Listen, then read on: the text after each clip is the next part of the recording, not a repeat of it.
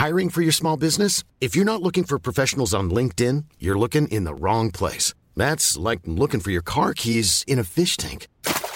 LinkedIn helps you hire professionals you can't find anywhere else, even those who aren't actively searching for a new job but might be open to the perfect role. In a given month, over 70% of LinkedIn users don't even visit other leading job sites. So start looking in the right place. With LinkedIn, you can hire professionals like a professional. Post your free job on linkedin.com slash people today.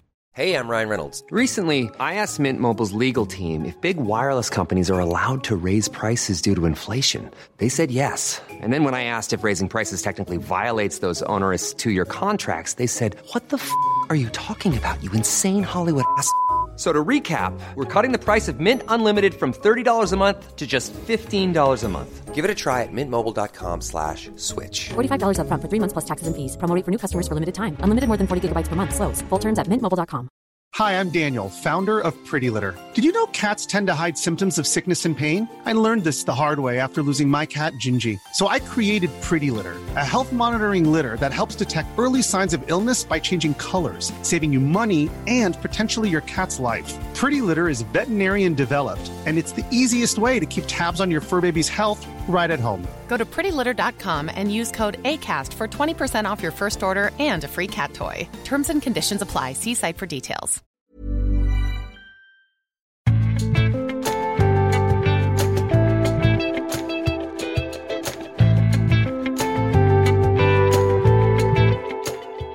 Er ei glede for oss i Tore og Tarjei å være tilbake her på Kirkeskipet. Eh, Mitt navn er Tore Hjalmar Skjærvik. Mitt Tarjei- navn er Tarjei Giljem. Og eh, det er jo sånn med alle formidlere at det er veldig kjekt å bli invitert. Men det som er mye kjekkere, det er jo å bli invitert igjen.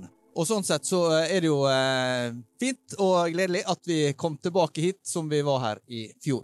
Noen har sagt at eh, Bibelen er verdens mest eh, solgte, men minst leste bok. Vi lurer på hvor viktig er Bibelen for eh, nordmenn eh, i dag. For noen så er jo Bibelen noe av eh, grunnvollen i livet. Det er en bok de er i daglig kontakt med. Mens for, den, for andre representerer den kanskje krefter eller interesser de ønsker minst mulig kontakt med. Til å snakke om dette så har vi fått med oss professor Helje Kringlebotn Sørdal fra Universitetet i Agder og biskop Stein Reinertsen i Agder og Telemark. Og eh, Sørdal hun har skrevet ei bok om norsk kristendomshistorie fra 1800 til 2020. Sånn hun har jo gått ganske djupt inn i tematikken og de endringene som vi har sett i norsk kultur i den perioden. Undertittelen på boka er 'Fra selvsagt tro til mangfold'. Og det handler jo, vil jeg tro, ikke minst om eh, Bibelen.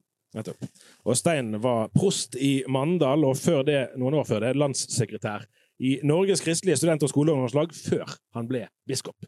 Så det var sånn ytterst kort CV.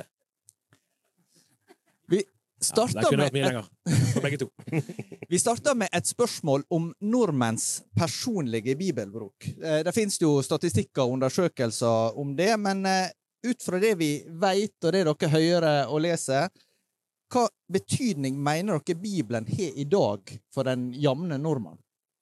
Ja, eh, den jevne nordmann, eller over under 50% leser Bibelen ofte. Eller eh, i det hele tatt en gang i året. Sånn at eh, for mange i Norge så vil Bibelen ha en kulturell betydning, men en ganske lav personlig betydning. Men for de som regner seg som aktive kristne, så er det klart at Bibelen fremdeles er den viktigste boka. Og når vi snakker om en lav betydning, er det sånn eh, Skal vi snakke om eh, Ibsen, Jørgen Moe Altså For å forstå det litterært, da, i kontekst. Hva betyr det? Ja, Den kanadiske litteraturvideren Northrop Frye han har kalt Bibelen for den store koden. Og hadde rett og slett så seg på 1990-tallet nødstedt til å arrangere bibelkurs for sine sekulære litteraturhistoriestudenter, sånn at de i det hele tatt skulle forstå den litteraturen som de skulle dukke inn i. Jeg regner med at Ibsen var blant de, men ellers i Canada var det kanskje ikke så mange norske. Men det sier noe om Bibelens enorme betydning på kulturfeltet. Eh, den er jo fremdeles viktig, men det er færre og færre som forstår hva er den refererer til når en har eh, bibelske allusjoner, bibelske bilder, bibelske symboler. Hva vil du si, Stein? Ja, jeg, vil si at eh, jeg merker nok at eh, det er helt rett at det er færre som leser. Men samtidig er det mange som hører. Eh, For det at fortsatt så er Bibelen i bruk i veldig mange sammenhenger hvor mennesker er. Så uten å vite det, så tror jeg mange har hørt veldig mange bibeltekster fortsatt. Ikke minst hvis de som har vært i begravelser og vielser og gudstjenester, og det er ganske mange. Så de hører, men at det er langt færre som setter seg ned og leser, det er helt sikker på. Du har jo en del eh, erfaring etter hvert som, som prest, og jeg tenker hvis du skal se bibelbruken i Norge ut fra din, din, din nære befatning med den, da, fra du var teologistudent og fram til nå, hva vil du si på en måte har vært de store utviklingstrekkene, sånn som du ser det? For det første vil jeg si at du kan ikke tenke deg en kirke som ikke leser i Bibelen. Altså Uansett hvor jeg kommer og i sammenhengene, så, så leser man i Bibelen. Eh, og det har ikke endret seg. Eh, men jeg tror det er færre som hører nå og leser enn tidligere. Og det, det merker jeg. Hva vet vi, Hellige, om endringen her? Vi tenker jo gjerne at var Altså at folk gikk oftere i kirken før enn de egentlig gjorde. Eh, Er det òg sånn at utviklingen, eller situasjonen her er mer stabil enn vi kanskje tror, eller leste faktisk flere ofte i Bibelen i den perioden du har studert? Ja, jeg tror det er nokså dramatisk utvikling, hvis vi skal være helt ærlige. Eh, Men vi må jo tenke at i 1800, hvis vi tar utgangspunkt i det årstall, så var det ikke så veldig mange som hadde en bibel. Det var rett og slett for dyrt. Eh, Men litt flere hadde eh, Pontoppidans katekismeforklaring, og de hadde kanskje et salmebokeksemplar. Og de hadde kanskje en huspostill. Og alle disse tre som var litt mer utbredt, de, de hadde jo Bibelen som sitt fundament. Eh, Men veldig mange på 1800-tallet, i hvert fall tidlig, eh, leste Bibelen på en indirekte måte. De, de gikk og hørte på presten. Eh, Etter hvert i århundret så gikk de også og hørte på lekmannsforkynneren. Eh, Men de gikk i hvert fall på skolen. Og det tror jeg er superviktig, dette med skolen som bibelformidler og bibelkunnskapsformidler. Formidler. det er et glemt eh, kapittel. For hvis vi skal spissformulere litt, så kan vi godt si at på 1800-tallet, i hvert fall i størstedelen av det århundret, så var skolen som institusjon den viktigste og største kirka i Norge. Folk gikk, Barna gikk på skole eh, oftere enn de gikk i kirka, og kirka var en, nei, skolen var en kirkeskole. Nå er det jo sånn at Bibelen er allemannseie, og en kan også lese den på nett. En trenger ikke kjøpe en bibel for å lese den lenger. Eh, hva kan være årsaken til at færre velger å gjøre det, sånn som dere ser det? Det henger selvfølgelig sammen med sekulariseringen langt på vei. Vi har sikkert 16% av den norske befolkningen som er såkalt the nons, altså de som ikke har noe tilknytning til noe kirkesamfunn. Eh, Vi har eh, kort og godt en større andel av befolkningen som ikke har en kristen tro, eh, verken veldig aktiv eller særlig passiv. Og for den delen så vil jo eh, Bibelen i høyden ha en sånn kulturell relevans. Men det er ikke sikkert at de som er aktive, eller vi som er aktive, leser mindre i Bibelen enn det som ble gjort tidligere. Der er det ikke så gode undersøkelser som viser oss noe forskjell. Men vi vet jo at de som leser mest, det er de som tror på det som står der, og som har et aktivt forhold til det. Du, har, Steiner, eh, du hadde tiårsjubileum som biskop tidligere i år. Ja. Eh, er det i løpet av den tiden, Merker du sjøl at du eh, opptrer annerledes når det gjelder å vise til det står i Bibelen dermed? Må du i større grad nå underbygge at det står i Bibelen, og det er òg forankret i noe annet? Nei, jeg tror ikke på de ti årene at det har vært noen endring. Men jeg tror, som Hellige sier, at den, det store skillet eh, var da skolen sluttet å komme fortellingene. For jeg merker nok når jeg er på en visitas, at det er veldig Det er litt avhengig av hvor jeg er henne. Men noen steder så har jeg hatt mye trosopplæring og kanskje en litt aktiv kristen skole, så kan de alt. Andre steder er det veldig blankt. Så vi har flere områder nå hvor folk ikke kjenner de helt sentrale kjernefortellingene våre lenger. Sier jeg det i samaritan, så, så er det ingen bjeller som, som ringer. Mens andre steder så, så kan de alt. Når det gjelder selve forkynnelsen, merker du der en forskjell? Altså, jeg tenker Hvis jeg leser eh, litt eldre på stille eller preikenlitteratur, f.eks., så, så ser du at den kan henvise veldig tett til eh, bibelvers, og at det er nærmest sånn at det, eh, predikanten sine egne ord de er i mindretall. Altså, bi- Bibelversene kommer så tett at det nærmest er sånn å binde sammen forskjellige bibelvers. Men mitt inntrykk er vel at det, det er ikke så mange som gjør det sånn lenger. Eh, Det tror jeg det er rett i. Men jeg tror ikke det at det gjør at man tar det mindre alvorlig. For noen ganger er det noe som heter 'less is more'. Mindre er mer. Så hvis du peprer noe med fryktelig mange bibelvers hele veien, så mister du kanskje selve poenget. Så jeg, jeg tror egentlig at ikke vi kan lese bibelbruk ut fra hvor mange henvisninger du har. Det gjør det egentlig noen ganger bare mye vanskeligere å forstå. Iblant eh, mottar vi debattinnlegg til dagen som egentlig bare er en oppramsing av skriftsteder. Det kan jo høres veldig kristelig ut, men da pleier vi å si at det må være noe sammenhengende her, skal vi kunne bruke de. Ja, og det er jo ikke noe galt med de bibelversene. bibelversene. Nei, Men det er et eller annet du når ikke målet nødvendigvis om du skyter med ti bibelvers. Akkurat. Vi går tilbake til 2019, Tor Hjalmar. Da hadde Dagen en undersøkelse av eh, holdninger og praksis i Kristen-Norge. Eh, ved hjelp av et eh, analysebyrå så fikk vi hjelp av da, også da, forskjellige kirkesamfunn og organisasjoner til å få et representativt utvalg fra deres sammenheng, som svarte på en del spørsmål, annet om bibelbruk. Det var de som gikk da i kirken en gang i måneden, eller oftere cirka. Da, så det er de som er aktive. Stemmer. Eh, og eh, du sitter med tallene, Tarjei. 70% drøyt det oppga den gangen av disse da, at de leste i Bibelen én til fire ganger i uken eller oftere. Er det overraskende tall for deg, Helja? Eh, Det ligger litt høyt enn det så, litt høyere enn det som er vanlig, tror jeg. Kanskje 60, drøyt 60% har jeg sett i andre undersøkelser. Men tendensen er jo helt klar, altså at en leser relativt mye i Bibelen i kristne kretser. Og det skulle jo bare mangle. Ja, det kan du si. Kan du si. Eh, I den samme undersøkelsen så spurte vi òg i hvilken grad folk opplever at Bibelen forplikter dem i det daglige livet. Og Der er vi inne i noe av den forskjellen sant? om den kulturelle dannelsen, det å kjenne til bibelhistoriene, eller i hvilken grad det som første korinterbrev osv. har noe å si for meg og hva jeg tror og mener og gjør.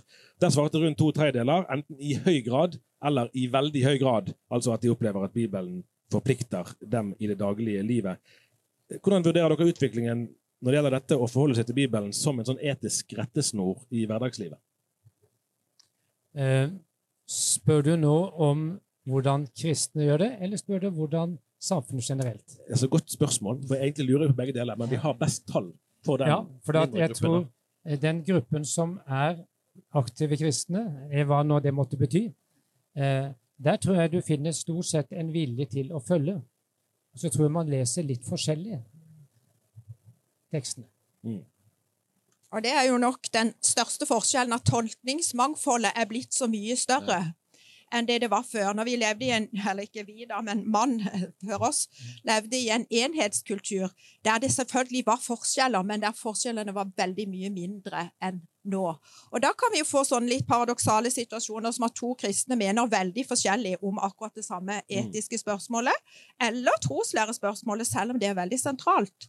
Og det er mye større aksept for disse forskjellene nå enn det det var tidligere, i hvert fall i noen miljøer.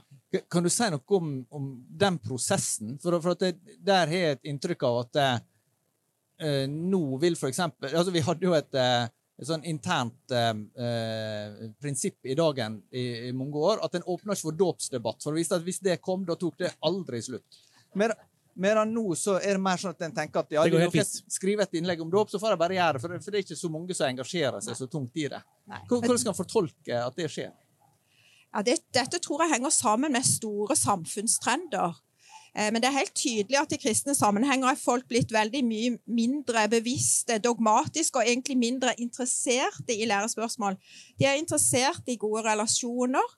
eh, De er interessert i form, altså at, det, at en, eh, en menighet har den, det formspråket som en liker sjøl. Men relasjoner er veldig, veldig viktig for mange. Er det fordi en opplever at det, det er vanskeligere å få forståelse for at dette her er på en allmenngyldig altså At det er vanskeligere å overbevise andre om at en har rett? Eller hvordan kan en forstå den utviklingen? For det er jo ganske stor endring, egentlig. Ja, men det er en endring som også skjer i samfunnet. Det, det er mye større mangfoldssamfunn nå enn tidligere. Så her tror jeg kristne er blitt påvirka av en helt eh, generell trend, og det er, å, det er ikke til å unngå at det vil bli sånn. Men jeg kan selvfølgelig diskutere om graden er for sterk nå. at en faktisk er for uenig om så mye at det blir forvirring.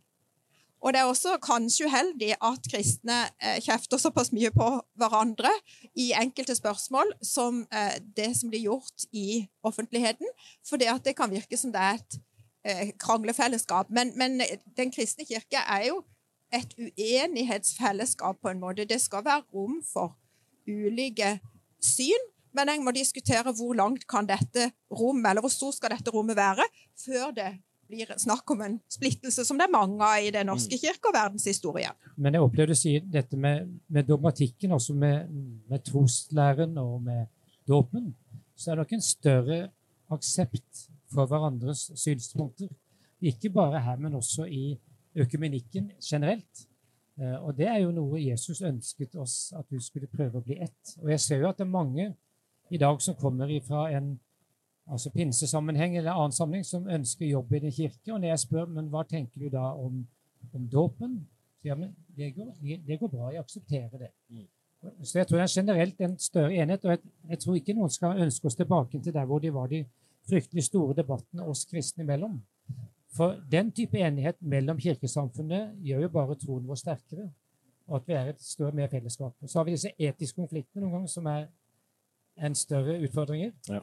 Eh, og så tenker jeg det at vi, vi har godt av å bryne oss på andres synspunkter. Din eh, tidligere kollega eh, Halvor Nordhaug han, vi var intervjuet han sammen jeg tror det var i 2020. og Han hadde sånn artig utsagn. Jeg var litt spent, husker jeg. Han kom jo som praktikumsrektor fra MF til Bjørgvin, der jo lavkirkeligheten står sterkt. Og hvordan kom dette her til å gå, lurte jeg på. Og Så trakk han frem da, et sånn utsagn som han ofte hørte, og det passer best å si på litt dialekt, for da var det sånn Hva sier Guds ord? Det var sånn konkret. Ja vel, biskop, du kan ikke bare komme her og si et eller annet. Du må vise eh, hvor du har det fra. Og så har du jo slagsidene da, at du kan få en veldig sånn individualisert bibellesning òg. Jeg lurer på hvordan du vurderer det som biskop. Den spenningen mellom det vitenskapelige, seriøse akademiske arbeidet og den dype personlige overbevisningen, som kan ha andre referanser enn hva som er sagt i forskningen. Det er et, et veldig spennende spørsmål, for vi tenker ofte at bibelsyn er noe som har ligget lenge, og så har det kommet noe nytt inn. Men jeg ble jo veldig ofte spurt om hva tenker du om skapelsen. Eh, hvor lang tid brukte han? Eh, og det var ikke før på 1800-tallet borte i USA, i 20-tallet, de sa at det må være syv dager. Alle kirkefedre alle lenge for den tid de tenkte jo at det var ikke syv dager, men det forteller at. Og så er det med et nytt bibelsyn som kom på 1820-tallet, Eh, en sagt at det må være den rette måten å forstå Bibelen på. Og da lager man en spenning mellom kristen tro og vitenskap, som jeg mener er helt unødvendig, og setter det faktisk i en veldig kinkig situasjon, nettopp med å begynne å trekke inn den måten å tenke på. Så den gamle måten å tenke på, det var ikke syv dager, det var, en, det var mer tilbake. Augustine og alle disse de ga med, for at det var en helt annen perspektiv man da snakker om. Akkurat. Og her skal jo rett være rett, Alvar, at det er sant at dåpsdebatt eh, det engasjerer ikke like mye som før. Men eh, nåde deg hvis du sender debattinnlegg til dagen og hevder noe annet enn dette. Eh, det, da kan debatten gå ganske lenge. Det har vi sett. Vi går videre til neste hovedbolk, som er Bibelen i samfunnet. Og som eh, vi har vært inne på allerede, så har jo Bibelen hatt eh, en veldig sentral plass i norsk kultur. Eh, da Dag Kullerud skulle skrive bok om Bibelselskapets historie, så de feira 200-årsjubileum i 2016. Da kalte han den 'Boken som formet vår kultur'. Og Det forteller jo ganske mye. Og samtidig så er det jo en kjensgjerning at Bibelen har ikke den posisjonen, særlig skoleverket, som tidligere. Og under generalforsamlinga til Norges kristne råd i vår så snakka kirkerådsleder Kristin Gunnlaugsrud Råum varmt om å holde kjennskapen til Bibelens fortellinger levende i folket. Og Hun fikk støtte bl.a. fra Berit Hustad Nilsen i Brunstad Christian Church, altså det som ble kalt Smiths venner tidligere.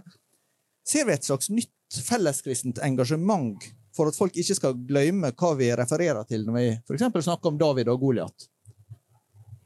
Tror jeg må si tja til det. det. Mange vil kanskje ønske det, men hvis vi skal se sånn nøkternt på det, så er det ikke så utrolig mange eh, tydelige, radikale eh, forsøk på å, å heve eh, Bibel, eh, eller, bibelkunnskapen som er tverrkirkelig. Men, men, det er kanskje noe. Eh, jeg vil trekke frem, tror jeg, The Send, altså denne økumeniske ungdomssamlingen, som bokstavelig talt samler tusenvis av ungdom, og som har som et av sine formål å eh, forplikte unge til å lese Bibelen jevnlig. Så det syns jeg er et eksempel. Et annet sånn økumenisk eksempel der Bibelen er nokså fremme, det er jo denne vekkelsen i Vigeland, som nå er blitt landskjent. Eh, der folk i, også i bokstavelig forstand møter opp i mer enn 1000 eh, hver dag eh, når det er vekkelsesmøter der Bibelen står veldig sentralt. Men når det gjelder realiteten, om dette skal bli veldig stort, så tenker jeg da må kirkesamfunnene prioritere bibelarbeidet, faktisk. Og kanskje menighetene også må gjøre det, og ikke minst hjemmene må faktisk gjøre det. For det er jo en stor forskjell i bibelbruk fra eh, vårt århundre til, til, de foregående, at husandakten er falt ut. Og den enorme opplæringsbiten og bibelkunnskapsbiten som lå i den daglige husandakten, den tror jeg vi har glemt litt. Men så må vi ikke glemme heller at hva er det mest økumeniske vi har i de sammenhengene jeg møter? Bibelselskapet. Det er Bibelselskapet. Så det er Bibelen som forener oss. Altså Uten ikke skal jeg treffe flest kirkeledere, så er det hvert år å være med på representantskapsmøte til Bibelselskapet. Så det forener. Og så er det også en del krefter som vi kommer utenfor Kirken, som ser dette her.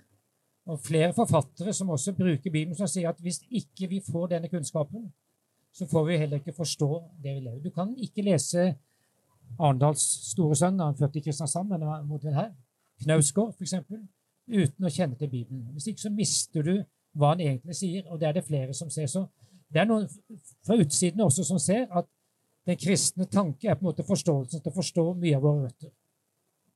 Hmm. Er det sånn at det fins en slags intellektuell latskap blant kristne?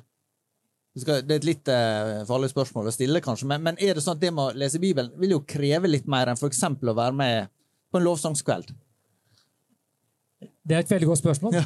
Det er en som heter, het O. Skinnis. Han ga ut for en del år siden en bok som het Fit Bodies and Fat Minds. Altså spreke kropper og fete hjerner. Eh, jeg tror nok, hvis du skal um, si i dag, så tror jeg nok at det jeg savner, er at en del kristne bruker, kan bruke veldig mye tid på å videreutdanne seg i kunnskapen. Men når det kommer til den kristne tro, så er det ikke nødvendigvis at det gjør like mye. Jeg eh, hvis man har sett i mine besteforeldres bokhyller, så var det et vell av kristen litteratur. Eh, nå tror jeg det er lite kristen litteratur, og det bekymrer meg at ikke folk leser mer. Eh, jeg mener ikke at alle skal gjøre det, men en del burde i hvert fall ta seg litt tid til å trenge inn. For jeg tenker det er ikke så dumt også å la vår tanke bli grepet av den kristne tro. Ikke bare den, men også vårt hjerte og, og alt dette her. Men også det å trenge litt inn. Samfunnet blir mer og mer komplekst. Og vi lever i en tid som ikke lenger er eh, enhetskulturen, men den består av en, en sekulær kultur med mange ting. Så det å se hva er kristen tanke, og hva er en annen tanke, det kan være vanskelig for mange. Men jeg tror dette bildet er ganske komplekst, egentlig. Det er jo også en viss interesse for apologetikk eller trosforsvar, som en kanskje ikke skal undervurdere så har jeg faktisk også litt en, et inntrykk av at en del unge er blitt mer bevisst enn det en var før. Og så et, Det er én type bibelbruk som øker, faktisk, og det er den digitale. Og Det er jo også en form for lesning. Så for det om ikke disse bokhyllene er like feite som før med kristen litteratur, så er kanskje harddisken, eller hva det heter for noe, på PC-en, der er det en del. Og på Kindle er det en del. Så, så her har vi et landskap som ikke er så godt utforska enda blant eh, aktive kristne, da, og i de kristne avisene, som vi representerer en av, så er det jo, som vi har vært innom, ikke uvanlig med debatter om bibelsyn. Eh, gjerne anvendt på konkrete saker. Uh, og da kan man jo lure på om og det, For det, for eksempel, nå går det jo en, av alle ting en debatt om svingkurs i våre spalter. Kan man ha trodd det? og man kan jo spørre hva disse debattene gjør med holdningen til Bibelen i samfunnet om det egentlig eh, har en motsatt virkning overfor omgivelsene. At det virker litt for sært. Nå er vel den svingkursdebatten mest til indremedisin, og det er kanskje ikke så kjempemange kristendomskritikere som følger med på den. Ja, det er faktisk uh, noen. Jeg har, jeg har fått tilbakemeldinger om. for det sånn. Så det er en lissepasning. Ja. Men eh, samtidig så tror jeg at det er litt sånn større toleranse i samfunnet vårt for eh, det vi kan si litt eh, minoritetssynspunkt. Altså, vi er så forskjellige at en er vant til forskjellig tenkning om ting. Så jeg tror egentlig den uenigheten føltes mer prekær og krise, eh, som en slags krisetegn eh, noen tiår tilbake enn det de gjør nå. Det folk er mest opptatt av, eh, og i hvert fall den yngre garde, det er disse relasjonene og det personlige eksempelet, autentisiteten. Det at noen leser Bibelen og viser det med sitt liv at dette har noe å si for meg. Det er kanskje det som er viktigere enn om det er noen bibelsynsdebatter i eh, et kristent blad, enten det er Dagen eller om det er en eh, Strek eller hva det måtte være. Jeg tenker at Ofte er det sånn at oppmerksomhet er sunt. Det er ikke alt som er like klokt rundt disse bibeldebattene. Eh, og det er, Én ting er hvordan det oppleves utad. Jeg er ikke så sikker på om en sånn debatt om svinkurs akkurat gjør folk mer interessert i den kristne tro. Om vi kunne våge å si at det er andre ting som er viktigere. Eh, og så tenker jeg også det handler noe om hvordan, hvordan behandler vi hverandre, hverandres uenighet. Og Det kan ligge en veldig makt å si at 'jeg har tolket rett', og du leser ikke. Eh, og det, eh, det merker jeg noen ganger at noen sier at vi som leser Bibelen, vi mener det. Men det stemmer jo ikke. Det er av og til hvordan vi leser. og Jeg tror ikke alle måter å lese Bibelen på er like riktig, men jeg tror det er viktig at vi erkjenner også at andre kan lese annerledes enn oss selv.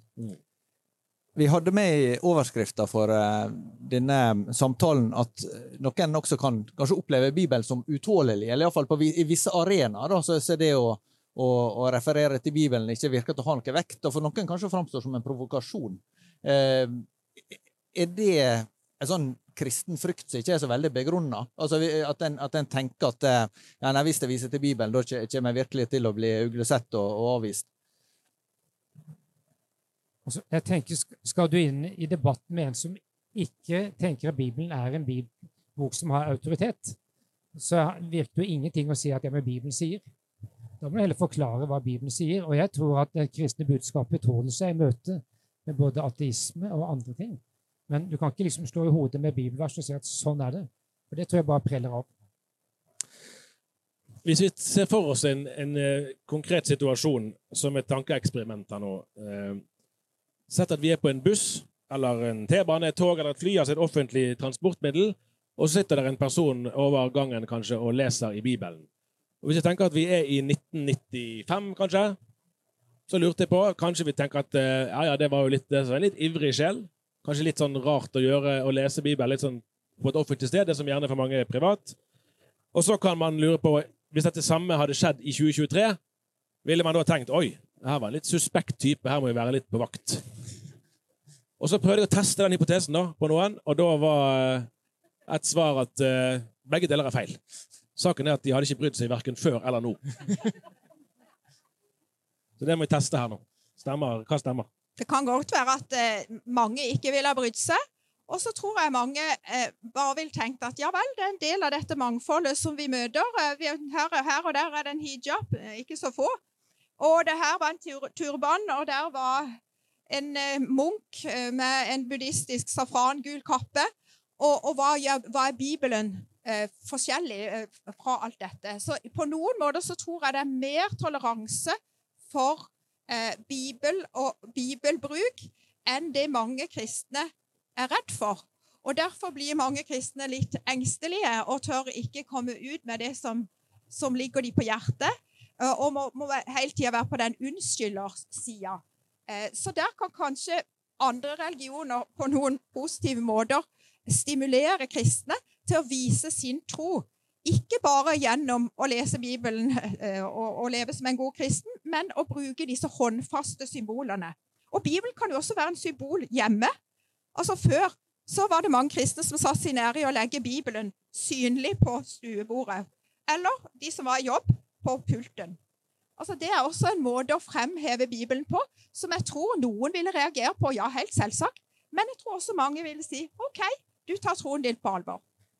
Jeg, jeg vet jo ikke hvordan andre ville reagert. Det er helt sikkert forskjellig, men jeg vet hvordan jeg ville reagert. Eh, jeg ville, jeg ville kjent meg igjen.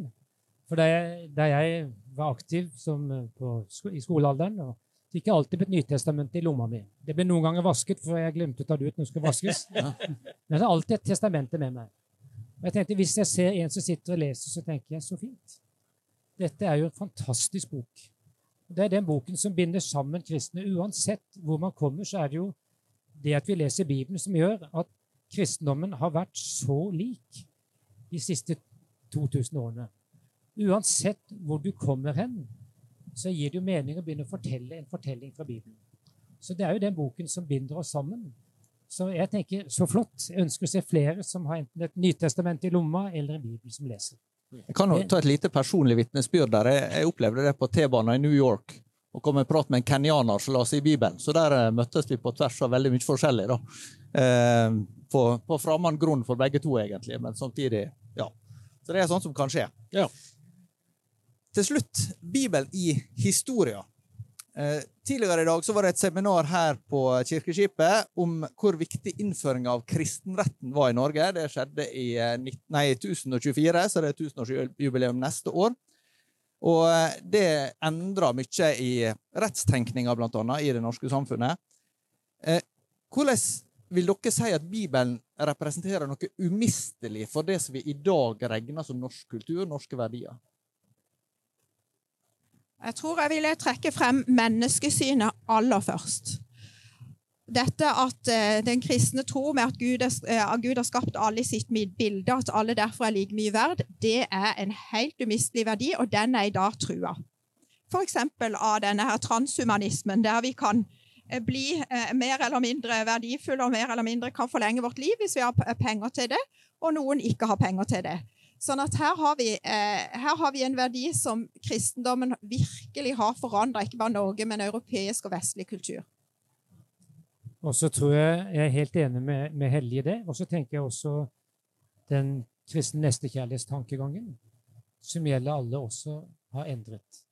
Og så vil nok også de si at uh, den loven som kom i 1274, ja. Magnus Lagerbøtter Magnus Lagerbøtter han var jo egentlig munk og la jo den kristne tenkning til grunn for hele denne loven. At mennesker ikke står overfor kongen, men overfor Gud, og det gjelder også kongen. Alle står overfor en som er større. Eh, så jeg tenkte den har vært med å forme hele tenkningen, både rettstenkningen og det med skyld og soning og tilgivelse. Og også det at man fikk det skillet også at man fikk helligdager og fridager, så mennesker kunne få lov til å hvile seg. Som det satt veldig, veldig dype spor. Men jeg tror som Helle sier, at menneskeverdet var et av de, et av de aller, aller viktigste tingene vi fikk. Og så vil jeg gjerne slå et slag for opplæringstendensen i Bibelen. Ja. Eh, den misjonsbefalingen såkalt, den sier 'gå derfor og lær folk'. Altså det at kristendommen har bygd opp eh, Eller kristne har bygd opp skoler fra tidlig, tidlig tid. Eh, en har vært opptatt av kunnskap generelt, men, men, selvfølgelig spesielt kristen kunnskap. Men det, den opptattheten av å lære, den har også hatt veldig store allmennmenneskelige eh, positive ringvirkninger. Og skolen er jo resultat av konfirmantundervisningen. Mm. Absolutt. Hadde vi ikke hatt konfirmantundervisning, hadde vi ikke fått den allmenne skolen, som har satt veldig dype spor. Og sykehusene, neste tankegang, det startet jo i kirken. Og mange av universitetene startet også i kirken. Det var jo et, e- en egen eh, programpost om dette her på eh, Kirkeskipet tidligere i dag. Og Da ble en av seminarholderne spurt hva som var det viktigste å trekke frem eh, ved neste års jubileum. Og Da var svaret at det var en god anledning til kritisk selvrefleksjon, med tanke på at Bibelen òg har blitt brukt til undertrykkelse. Er det en tendens der til at man det kan jo, Du Helge, har jo vært litt i, debatt i dagen om Anselsen Hauge i det siste. Eh, der kan man snakke, man snakke, det finnes jo noe som heter hagiografi, altså at man snakker, skriver om helgener. At man kan bli haugiografer. At man kun snakker om det som var positivt, det man liker ved Hauge. Kan man òg, ikke på Bibels vegne, men på historiens vegne, få en sånn tendens i kristne kretser at man kun vil snakke om det som har vært bra, og ikke at man ble tvangsdøpt eller ble halshugget hvis man ikke ville bli kristen? Jeg tenker nesten litt motsatt. Altså, det har vært en lang periode nå i mange tiår med sterk kritikk av kristne, kirke, misjon, Bibel, pietisme, alt dette.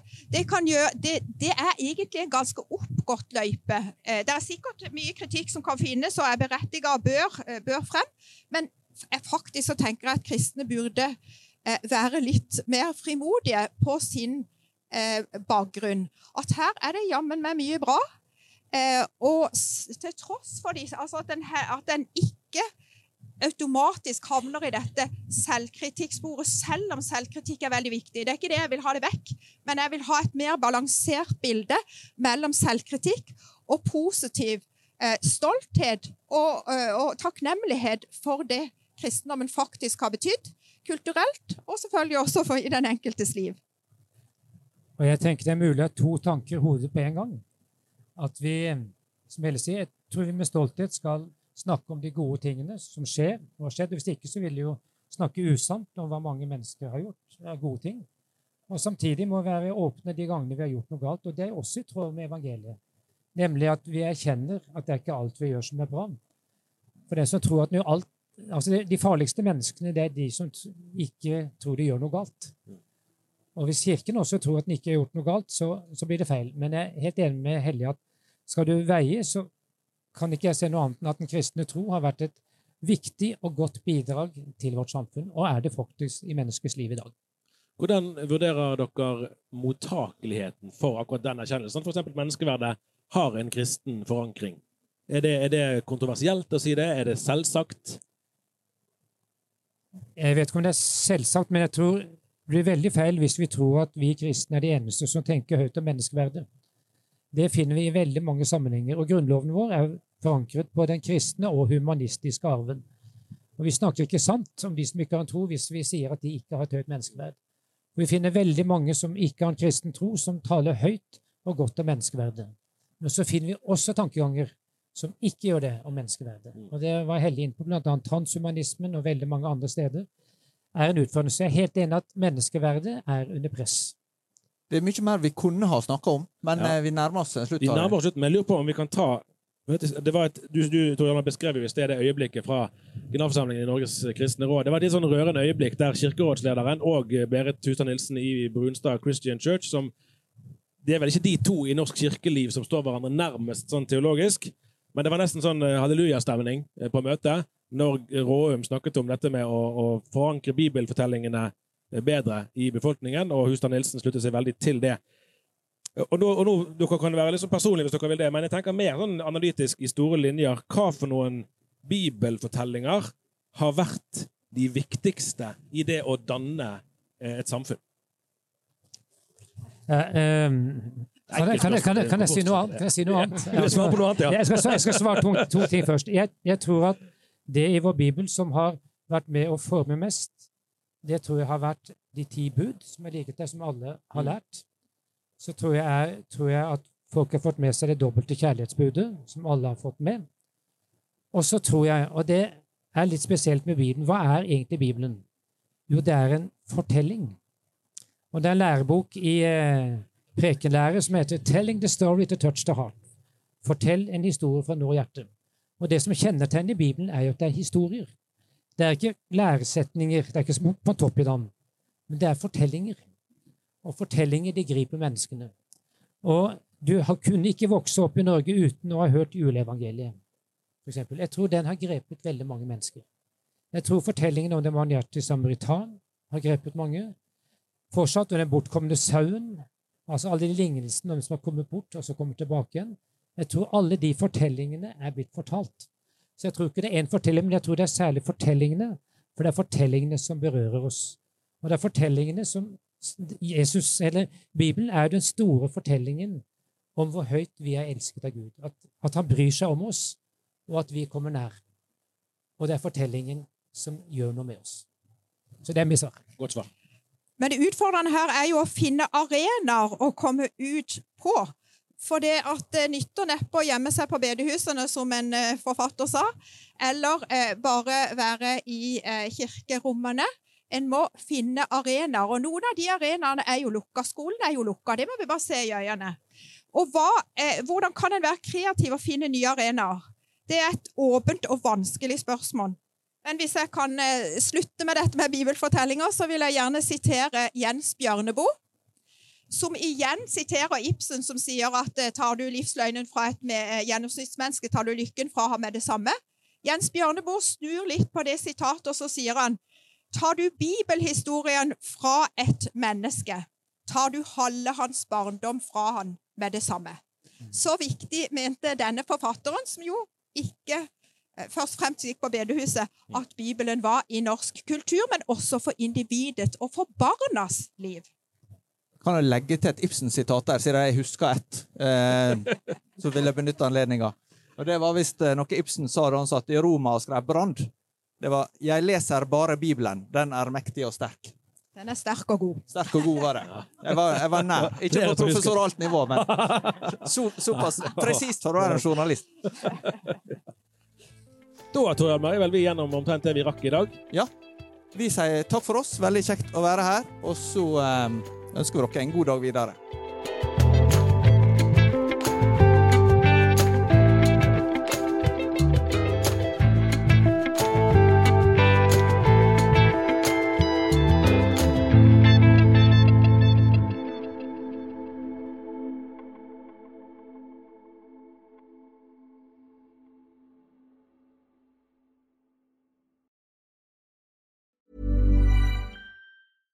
Even when we're on a budget, we still deserve nice things. Quince is a place to scoop up stunning high-end goods for 50 to 80% less than similar brands. They have buttery soft cashmere sweaters starting at $50, luxurious Italian leather bags, and so much more. Plus, Quince only works with factories that use safe, ethical, and responsible manufacturing. Get the high-end goods you'll love without the high price tag with Quince. Go to quince.com slash style for free shipping and 365-day returns. Planning for your next trip? Elevate your travel style with Quince. Quince has all the jet-setting essentials you'll want for your next getaway, like European linen, premium luggage options, buttery soft Italian leather bags, and so much more. And is all priced at 50 to 80% less than similar brands. Plus, Quince only works with factories that use safe and ethical manufacturing practices. Pack your bags with high-quality essentials you'll be wearing for vacations to come with Quince. Go to quince.com slash pack for free shipping and 365-day returns.